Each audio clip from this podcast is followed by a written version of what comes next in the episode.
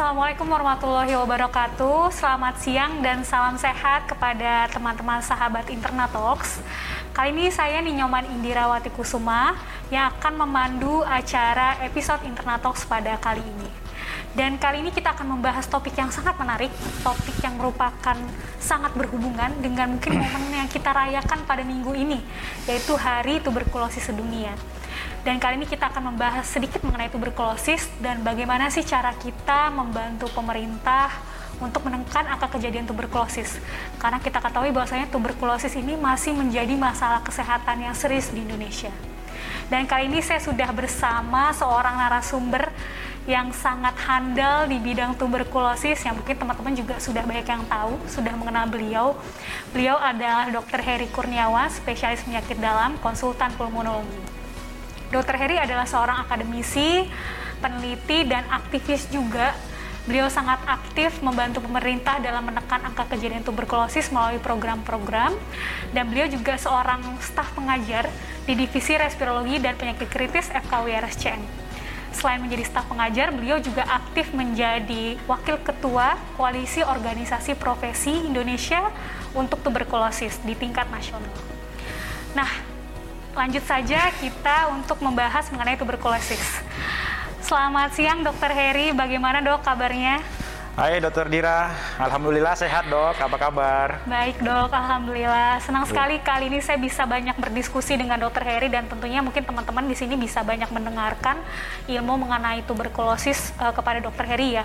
Mumpung ada narasumbernya nih yang handal di bidangnya dan ahli di bidangnya begini dok, mungkin kita tahu ya dok ya kalau misalkan minggu ini kan kita lagi merayakan Hari Tuberkulosis iya, dunia betul. dok ya. Kayaknya betul. di dunia, terutama di Indonesia nih dok, iya. kan TB itu masih menjadi penyakit yang sangat uh, bisa dibilang momok ya dok ya di Indonesia. Hmm. Kalau nggak salah terakhir kita angka insidensinya itu kedua dok di dunia. Jadi naik nih dok dari yang mungkin hmm. tadinya lima besar sekarang udah jadi tiga besar dok. Hmm. Nah mungkin di sini juga banyak teman-teman yang masih belum tahu sih ya dok ya hmm, dan belum paham yeah. benar-benar sebenarnya apa sih penyakit tuberkulosis dan gimana sih sebenarnya gejalanya mungkin muncul kalau misalkan orang itu terkena tuberkulosis dok? Oh iya baik iya jadi uh, teman-teman sahabat Internatalk ya nyebutnya ya dokter Dira iya, ya? sahabat Internatalk iya. dok. Jadi sahabat Internatalk ya saya dokter Heri Kurniawan spesialis penyakit dalam konsultan paru ya memang uh, sehari-hari saya banyak ini dokter Dira dan sahabat-sahabat Internatalk semua saya memang sehari-hari banyak menangani pasien-pasien tuberkulosis. Jadi memang saya melihat uh, tuberkulosis ini menjadi suatu problem yang cukup besar ya. Tidak hanya di negara kita, tidak hanya di Indonesia, tapi juga di seluruh dunia gitu ya. Maaf tadi sedikit saya koreksi Dokter Dira. Jadi memang kita kalau yang laporan Global Report tahun 2021 kita nomor tiga Bertiga. Ha, ya, kita nomor ya. tiga. Ha, ha. Memang setiap tahun kita tuh kalau nggak nomor dua, nomor tiga. Nomor dua, iya, ya, insidensi. Ya? Jadi sekedar informasi buat sahabat Intratok, nomor satu itu yang penyumbang TB paling banyak itu India. India. Nah, nomor dua Cina, nomor tiga kita Indonesia. Tapi posisi kita Indonesia sama Cina itu tuh dekat sekali. Dan kalau kita apa ya? Kalau kita lihat itu ya penduduk Cina itu kan banyak ya mungkin hampir satu miliar ada kali ya dok ya. Kalau kita kan 275, jadi kalau kita lihat jumlah yang sakit TB sama jumlah penduduk, ya kita lebih tinggi sebenarnya dibanding yeah. Cina gitu ya. Jadi sahabat-sahabat sekalian, TB itu atau tuberkulosis ya, sorry ya, sekarang nyambutnya itu TBC gitu, nggak TB lagi, hmm. TBC ya. Itu suatu penyakit menular yang disebabkan oleh kuman, nama kumannya itu Mycobacterium tuberculosis gitu ya. Jadi uh, kuman ini itu ditularkan oleh seseorang yang menderita TBC paru ketika dia batuk, dia bersin atau bicara itu mengeluarkan droplet-droplet nuklei ya, bercak-bercak air liur itu yang kecil-kecil itu, yang ukurannya di bawah 5 mikron, itu berisi basil-basil kuman TB. Nah, itu yang bisa berterbangan di udara Nah, dia tuh bisa berterbangan ya bisa sampai 4 jaman itu, Dok. Jadi kalau kehirup sama orang lain yang kebetulan ada di sekitar situ, itu bisa menyebabkan sakit TBC. TBC. Gitu kira-kira, Dok, kalau terkait TBC. Oke, Dok. Kalau ya. gejalanya sendiri gimana tuh, Dok? Biasanya kalau orang yang kena TB gitu ya, Dok, kan hmm. ya, baik ya TB paru misalkan, Dok, kira-kira iya, iya. gejalanya apa sih, Dok? Iya, oke. Okay. Jadi uh, sini TBC itu memang yang paling banyak ya, yang paling banyak itu di atas 80% TBC paru. Kita sebutnya TBC paru ya karena menyerang paru. Namun bisa juga TBC itu menyerang organ di luar paru. Luar paru itu misalnya ya TBC kalau di selaput otak ya kita bilang TBC otak, TBC selaput otak. Kalau di mata kita bilang TBC mata, di liver, di tulang, di mana-mana gitu ya. Jadi gejalanya apa? Tergantung organ yang terinfeksi. Nah, gitu. Nah, kalau kita berbicara TBC paru, TBC paru memang gejala yang paling sering, yang paling banyak itu adalah batuk. Batuk kronik lebih dari dua minggu. Jadi kalau ada batuk kronik lebih dari dua minggu, kita mesti bertanya-tanya nih dokter Dira, ini kira-kira ada TBC nggak ya gitu. Nah selain batuk kronik itu, apalagi gitu ya, yang cukup khas itu misalnya berat badan turun. Jadi nafsu makannya turun, berat badan turun. Selain itu keringat malam hari, ya terus eh, apa namanya demam naik turun, keringat malam hari yang berlebih, sama berat badan turun. Itu gejala yang cukup khas kalau di TBC paru ya, selain batuk. Batuknya itu bisa batuk berdahak atau batuk berdarah dok, kurang lebih begitu ya. Kalau TBC ekstra paru misalnya ada di kelenjar, ya keluhannya pemecahan kelenjar. Kalau TBC di mata gitu ya, ya keluhannya mata merah itu sebagai pintu masuk untuk kita cari ini TBC atau bukan gitu. Hmm, Ya. Oke dok. Ya jadi memang kalau ada eh, kita ya dok ya punya Hmm. keluhan batuk Hmm. lebih dari dua minggu ya dok ya, terus tadi Hmm. ada demam, ada berat badan turun, memang ada baiknya kita langsung periksa ya dok ya, buat Betul, betul. melihat ada Setuju, nggak Dok. sih ya dok Iya. ya infeksi eh, Hmm. tuberkulosis ya dok ya. Iya, setuju. Nah mungkin dok, ada nggak sih dok faktor resiko atau orang-orang tertentu yang rentan gitu dok, yang Hmm. mudah terkena tuberkulosis? Iya, betul. Jadi ada memang kelompok-kelompok tertentu yang e, memiliki resiko lebih tinggi untuk terinfeksi tuberkulosis. Yang pertama kalau dari sisi usia itu anak di bawah lima tahun, dok. Anak di bawah lima tahun itu punya resiko yang tinggi terinfeksi tuberkulosis. Yang kedua orang dengan usia lanjut. Usia lanjut ini juga punya resiko yang lebih tinggi dibanding orang dewasa secara umum. Yang ketiga adalah kelompok orang-orang yang dengan komorbid. Komorbid itu ya misalnya pasien itu ada diabetes mellitus atau pasien itu kebetulan ya misalnya dia ada penyakit HIV atau HIV ya atau dia ada penyakit-penyakit cancer yang lagi kemoterapi imunnya turun atau ada penyakit-penyakit imun tertentu dok misalnya pasien-pasien yang lupus atau eh, apa rematoid kita sebutnya ya itu kalau dia minum obat penekan sistem imun dia punya resiko lebih tinggi memang Oh. terinfeksi kuman TBC. Iya. baik dok. Jadi memang ada orang-orang yang lebih rentan ya dok ya? Iya betul dok. Yang tadi anak-anak Hmm. usia kurang lima tahun, orang tua ya dok lansia, Iya. dan tentunya Hmm. pasien-pasien yang punya uh, daya tahan tubuh yang lebih lemah ya dok Betul, ya mungkin betul, ya tadi seperti Iya. diabetes, Hmm. pasien kanker dan sebagainya. Hmm. Nah mungkin dok kalau untuk tuberkulosis sendiri itu pengobatannya itu bagaimana ya dok? Nah iya. Jadi tuberkulosis ini bisa disembuhkan. Nah itu Iya. ya dok. Ini bisa disembuhkan. Penting ya, dok, ini. Tapi syaratnya pengobatannya memang harus teratur. Atur. harus teratur, terus harus sesuai dengan anjuran dokter. Jadi memenuhi minimum enam bulan dok terapinya. Memang lama ini terapinya enam bulan ya. Memang mungkin sebagian pasien TB itu minum obat dua bulan udah enakan, tapi nggak boleh stop ya dokter Dira ya. Jadi obat itu harus diselesaikan minimal enam bulan. Ya, jadi minum obat selama enam bulan. Kalau bisa minum obat teratur selama enam bulan, obatnya sesuai dengan obat TB, insya Allah sih sembuh. Oh. Gitu. Ya ini penting sekali ya teman-teman sahabat Internatox Hmm. ya bahwa TBC ini bisa disembuhkan dengan catatan benar tadi yang seperti disampaikan oleh Dokter Heri penting sekali uh, memang harus pengobatannya diikuti secara teratur ya dok ya dan minimal Betul, 6 bulan betul. tidak boleh stop ya dok ya Iya, sama betul. sekali ya biar benar-benar kumannya bisa mati seperti Iya. itu. Nah mungkin dok kalau misalkan pasien-pasien dengan TB yang paru dengan yang TB di luar paru beda nggak sih dok pengobatannya? Pengobatannya ya, untuk pasien TB paru dengan TB di luar paru, itu kalau jenis obatnya sama dok, sama, nggak ada perbedaan ya. Yang membedakan adalah lama terapinya. Oh. Nah, kalau TB paru itu memang umumnya enam bulan selesai dok. Tapi kalau TB di luar paru, tergantung organ yang terinfeksi. Oh. Nah, misalnya kalau di tulang sama di selaput otak itu memang paling lama, Dok. Jadi pengobatannya bisa selama 9 sampai 12 bulan. Jadi kalau obatnya sama, yang beda hanya durasinya aja. Oh. Iya. Ya. Berarti obatnya sama ya dok? Sama, Hanya sama, beda Dokter lama Iya, saja betul, ya dok betul, ya. betul. Nah mungkin tetap juga ya dok ya harus minum teratur ya dok ya? Iya, betul, paru betul. dan TB ekstra Iya, betul. Harus teratur. Iya. Mungkin yang apa sahabat-sahabat internal yang perlu ketahui, pengobatannya memang lama, tapi memang dibagi. Jadi ada fase awal selama dua bulan pertama, Kemudian ada fase lanjutan. Kalau fase lanjutan itu, itu sih obatnya lebih sedikit kok. Itu lebih sedikit, lebih kecil-kecil ya insya Allah sih nggak nggak nggak terlalu berat lah untuk minumnya kayak di awal-awal dua bulan pertama. Ya. Oh iya iya dok. Nah mungkin dok, ini kan teman-teman juga banyak nih yang udah banyak yang mulai denger ya karena kayak Hmm. pemerintah lagi gencar-gencarnya nih eh, mengenalkan dok mengenai ada orang bilang nih TBC-nya lagi aktif Iya. atau TBC-nya lagi nggak aktif gitu atau laten kalau bahasa kedokterannya ya dok ya. Itu sebenarnya bedanya apa sih dok TBC Hmm. Iya. aktif sama TBC nggak Hmm, aktif gitu? Iya betul betul. Jadi gini nih sahabat-sahabat internal sekalian. Jadi kalau ada kuman TBC itu terhirup masuk ke dalam paru-paru seseorang, itu sebenarnya 70% kuman itu dapat diatasi oleh imun tubuh kita. Akan dimakan oleh imun tubuh kita namanya makrofag itu akan dimatikan kuman TBC-nya. Jadi 70% orang akan tetap sehat. 30% orang akan terinfeksi oleh kuman TBC gitu. Namun dari 30% ini yang kemungkinan akan menjadi TBC aktif, TBC aktif itu mungkin hanya sekitar 5% aja sih, Dok.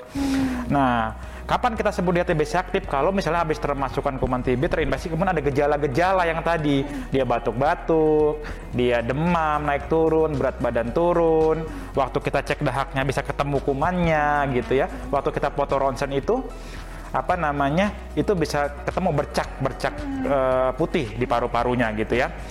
Nah, tadi itu hanya 5% mungkin dari 30% doknya. 25%-nya itu ketika kuman TB masuk ke tubuh kita, ke tubuh pasien itu, itu pasiennya nggak jadi sakit gitu. Jadi kumannya itu masuk ke dalam, kemudian kumannya nggak menyebabkan suatu peradangan di paru. Dia itu menjadi dorman kalau kita sebut, jadi tidur gitu. Oh. Tidur dikurung oleh imun tubuh kita gitu. Nah, karena kumannya tidur, dia nggak buat radang, jadi nggak ada gejala sama sekali gitu. Nah, di tubuh pasien itu ada kuman TB, tapi nggak ada gejala sama sekali. Dicek dahak negatif, gejala nggak ada, di ronsen normal. Nah, ini kita sebut sebagai TB laten. Nah, karena kuman TB-nya ada, tapi nggak ada gejala gitu, kita sebut TB laten. Ya, jadi cukup jelas ya Dr. Dira ya. Jadi kalau TB laten ada kuman TB tapi nggak ada gejala normal. Yang TB aktif ada kuman TB, ada gejalanya, dia ada batuk, demam, di foto ronsen ada bercak putih, cek dahak bisa positif. Oh gitu. Iya. gitu. Iya, iya. Berarti memang bedanya itu ya dok, kayak kalau Betul. TB aktif ada gejalanya, terus pemeriksaannya mendukung semua kalau Iya. tuberkulosis aktif ya dok ya. Cuman Hmm. kalau yang TB nggak aktif, dia nggak ada gejala ya dok ya. Betul, Tapi betul, Mungkin betul. dalam tubuhnya dia ada kuman tuberkulosis ya dok Yes, yang betul. lagi nggak aktif. Iya, gitu. betul, Dok. Nah mungkin dok sekarang kan nih Kementerian Kesehatan lagi gencar banget Iya. dok ya, Hmm. mengenakan lalu mensosialisasi mengenai uh, terapi pencegahan Hmm. tuberkulosis terutama untuk pasien-pasien yang TB nggak aktif atau TB laten. Nah, itu sebenarnya tujuannya apa sih dok? Kalau Hmm. Nah, iya, ini, ini mungkin sekalian informasi ke sobat Internet Talk sekalian. Jadi, pemerintah kita ini punya cita-cita luhur, dok. Jadi kita itu pengen eliminasi TB tahun 2030. Kita pengennya itu tahun 2030 kita udah bisa eliminasi TB gitu. Dan 2035 bisa eradikasi, jadi benar-benar nggak ada gitu. Nah, untuk mencapai tujuan tadi, eliminasi TB tahun 2030, mesti ada upaya-upaya yang dilakukan secara masif bersama-sama gitu. Upayanya apa? Nomor satu, kalau ada pasien TB aktif, kita obatin, sembuh. Nomor dua, kalau pasien punya resiko TB aktif, ya mesti kita kasih terapi tertentu untuk mencegah biar dia nggak aktif gitu.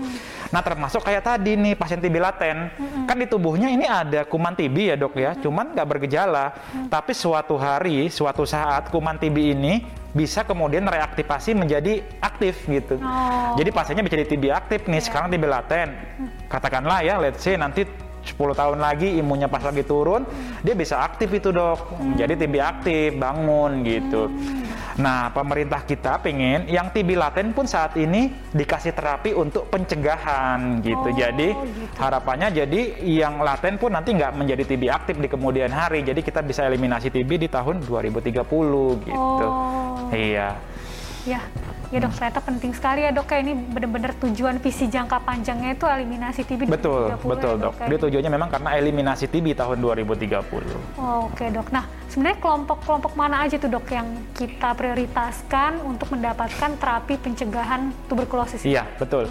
Jadi memang ada eh, dari pemerintah itu punya program ya, program ada kelompok-kelompok mana yang diprioritaskan untuk mendapat TPT namanya, terapi pencegahan TB gitu ya. Yang pertama adalah orang dengan HIV, HIV dok ya. Jadi ketika ada pasien HIV datang gitu ya, baru diketemukan gitu, itu kan harus diperiksa dulu itu. Selain HIV, ada nggak infeksi-infeksi penyerta lainnya? Salah satu yang paling sering itu adalah TBC.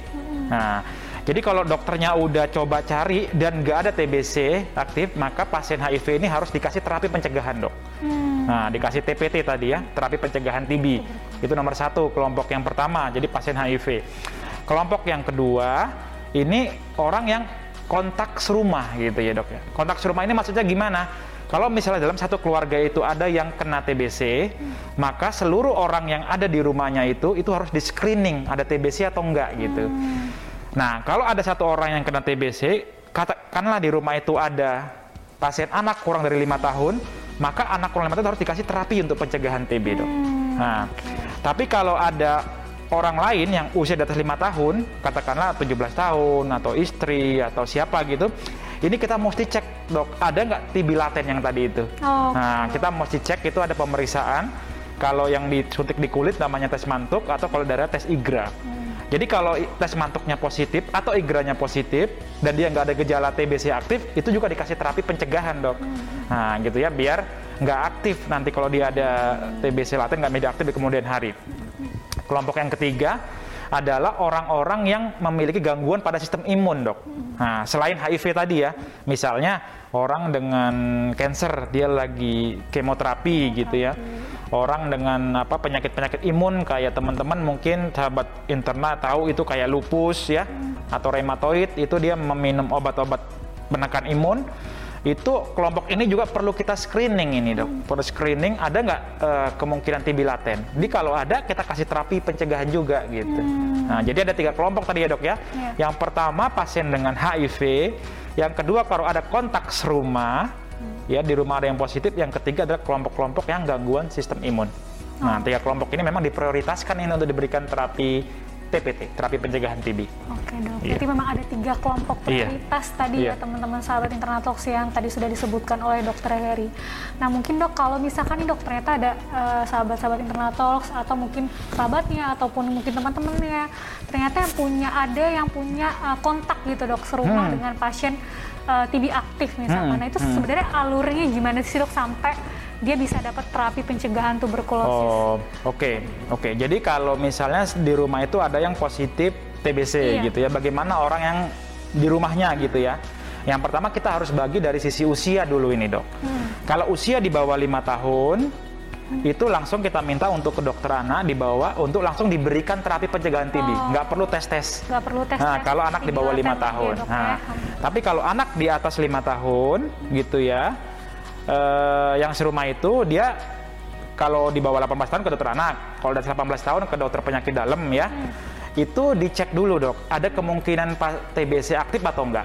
Kalau dari gejalanya misalnya tidak ada batuk, demam tidak ada, berat badan tidak turun gitu ya, itu kita cek yang tadi itu pemeriksaannya, kita cek eh, apa namanya tes mantuk atau IGRA. IGRA, Kalau salah satunya ada yang positif gitu ya, yaitu nanti diberikan terapi pencegahan dok. Oh. Nah, in case katakanlah eh, nggak bisa tes mantuk, nggak bisa cek IGRA, mungkin karena biaya atau yang lain gitu ya dok, di ronsen paru-parunya dok. Nah, kalau paru-parunya itu normal, gitu, ya nanti kita monitor dulu. Tapi kalau paru-parunya misalnya dia ada bercak, gitu, ya kita evaluasi. Kalau dia tidak aktif, nanti dia diberikan terapi pencegahan. Oh, Gitu. oke. Ya, jadi memang kalau ada satu anggota keluarga yang positif, pokoknya yang tinggal serumah itu kita monitor ya dok ya. Oh. Anak di bawah lima tahun nggak perlu periksa apa-apa langsung dikasih terapi. Oh. Tapi di atas lima tahun mesti kita cek dulu tadi mantux atau igra. Iya. Pilih salah satu ya, yang bisa yang mana. Oke dok, berarti tadi kalau anak di bawah lima tahun nggak perlu cek ya dok ya? Nggak perlu. Itu ada kontak dengan eh, pasien TB serumah, Serumah. langsung dikasih obat terapi pencegahan. Pencegahan, iya. Tapi kalau yang dewasa harus kita cek dulu ya dok ya, Betul. Mantux atau IGRA tadi. Iya. Kalau misalkan ternyata positif dan tidak ada tanda-tanda TB aktif, kita berikan Betul, terapi pencegahan Betul, tuberkulosis. betul. Nah, berapa lama sih dok terapi pencegahan tuberkulosis ini? Sama Nah, nggak dok sama TB Iya. aktif gitu? Nah, terapi pencegahan tuberkulosis itu ada beberapa macam, Dokter Dira. Jadi, yang pilihan pertama itu ada yang namanya terapi pencegahan dengan isoniazid, ya. Isoniazid itu kalau kita pakai obat itu diberikan selama enam bulan, dok. Minum satu kali sehari selama enam bulan.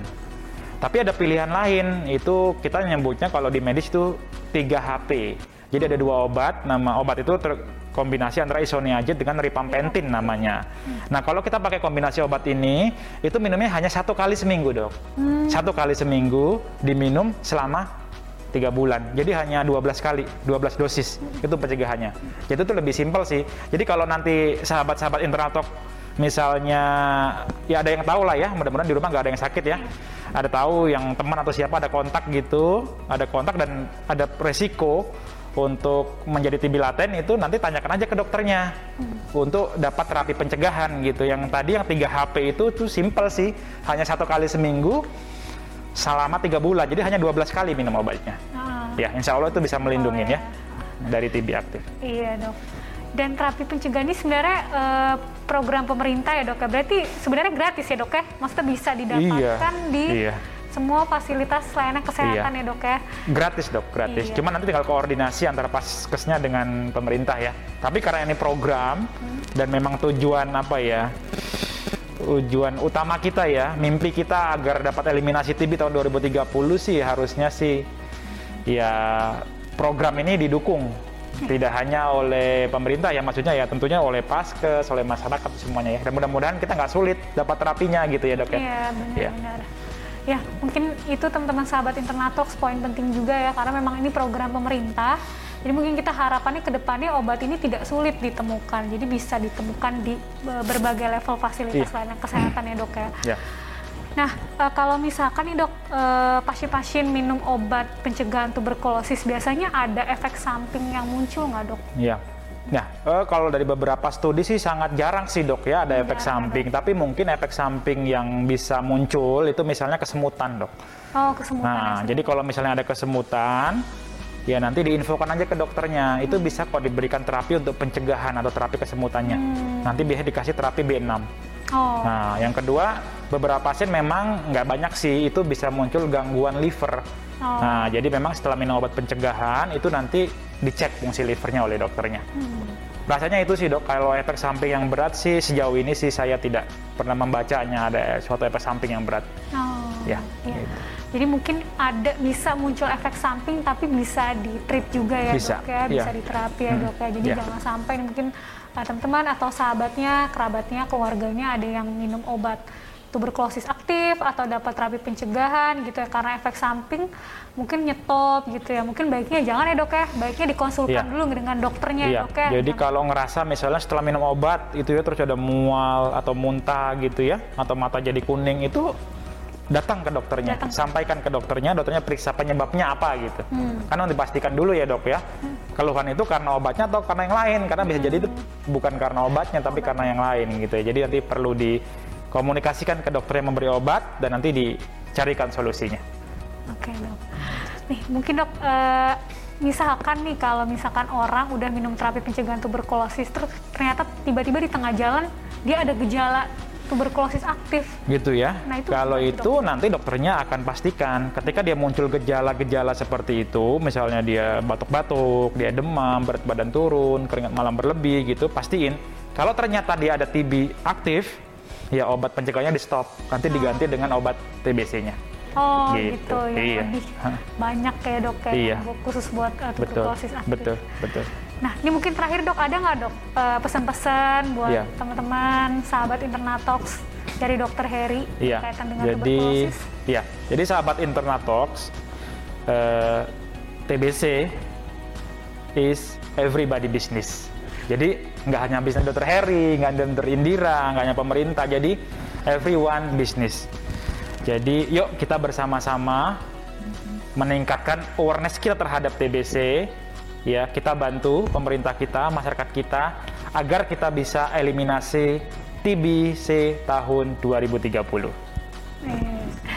Oke dokter luar biasa ya penjelasan dokter Heri ya pada siang hari ini ya. Ya semoga bermanfaat untuk teman-teman semua para sahabat Internatox yang mendengarkan podcast dan uh, YouTube kita.